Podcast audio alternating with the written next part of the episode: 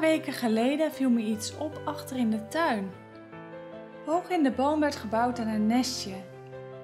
Steeds zagen we een duifje aankomen vliegen met een takje in zijn bek. Er werd net zo lang gebouwd tot er een mooi rond nestje was ontstaan. Prachtig hoe de natuur zijn werk gaat en hoe er voorbereiding getroffen wordt voor de komst van nieuw leven. Het nestje was klaar en moeder vogel kon haar jongen uit gaan broeden. Hoeveel jongen er precies geboren waren konden we niet goed zien. Wel zagen we dat er goed voor de jongen werd gezorgd. Steeds kwam vader of moeder duif aanvliegen met eten in zijn snavel. Maar toen was het ineens stil achter in de tuin. En toen we goed keken, bleek dat het nestje leeg was. Dit prachtige nestje hoog in de boom was waarschijnlijk overvallen door een roofvogel. De jongen waren opgegeten en er was niets meer van nieuw leven te bekennen. We zagen alleen nog een prachtig nestje, waar met inspanning van de duifjes aan gebouwd was. Maar nu was het verlaten. Als ik dit beeld uit de natuur zo op mij in laat werken, dan moet ik denken aan de bouwwerken uit ons eigen leven. We hebben gebouwd aan een gemeente in Ecuador. We hebben gebouwd aan contacten met mensen. Gebouwd aan vertrouwen. En nu? Hoe zou het zijn met die meisjes van de zonneschool? Ik weet dat ze het thuis niet makkelijk hebben. Of hoe zou het zijn met die jongeren van de muziekgroep? Zou hij niet in zijn oude patroon vallen van depressiviteit? Wie zouden we straks weer in de kerk zien? Zou er geen roofvogel komen die het nest verstoort en het nieuwe leven wegpikt in de gemeente?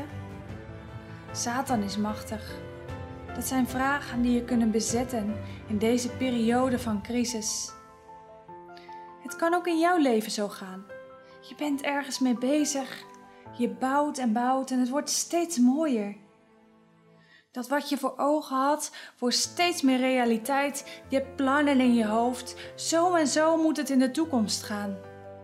Totdat er ineens een knak komt en waar je mee bezig bent. Er komt een streep door alles heen. De grond zakt onder je voeten weg. Er is ineens niet veel meer over van dat waar je aan bouwde. Alleen de resten herinneren dan nog aan waar je ooit mee begonnen was. Wat is het leven eigenlijk? Leven is zoals dat beschreven staat in Psalm 103. Het is als een bloem, een prachtige bloem. Maar dan komt er een rukwind en de stil knakt. Er is niets meer van over. Dat is het leven. David schrijft in Psalm 84 ook over vogels die nesten bouwen de zwaluw en de mus. De zwaluwen hebben zelfs een nestje bij de tempel om hun jongen daar neer te leggen.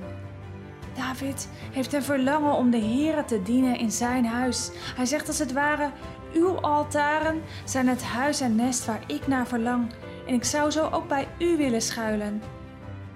Ik denk even terug aan dat nestje in de tuin. Het leek zo prachtig, maar toen kwam die roofvogel en er was niets meer van over. Waar bouwen wij ons nest? Bouwen we dat nest wel op een veilige plek? Waar bouwen wij ons leven, onze toekomst op? Zijn onze bouwwerken gefundeerd op de Heer Jezus Christus?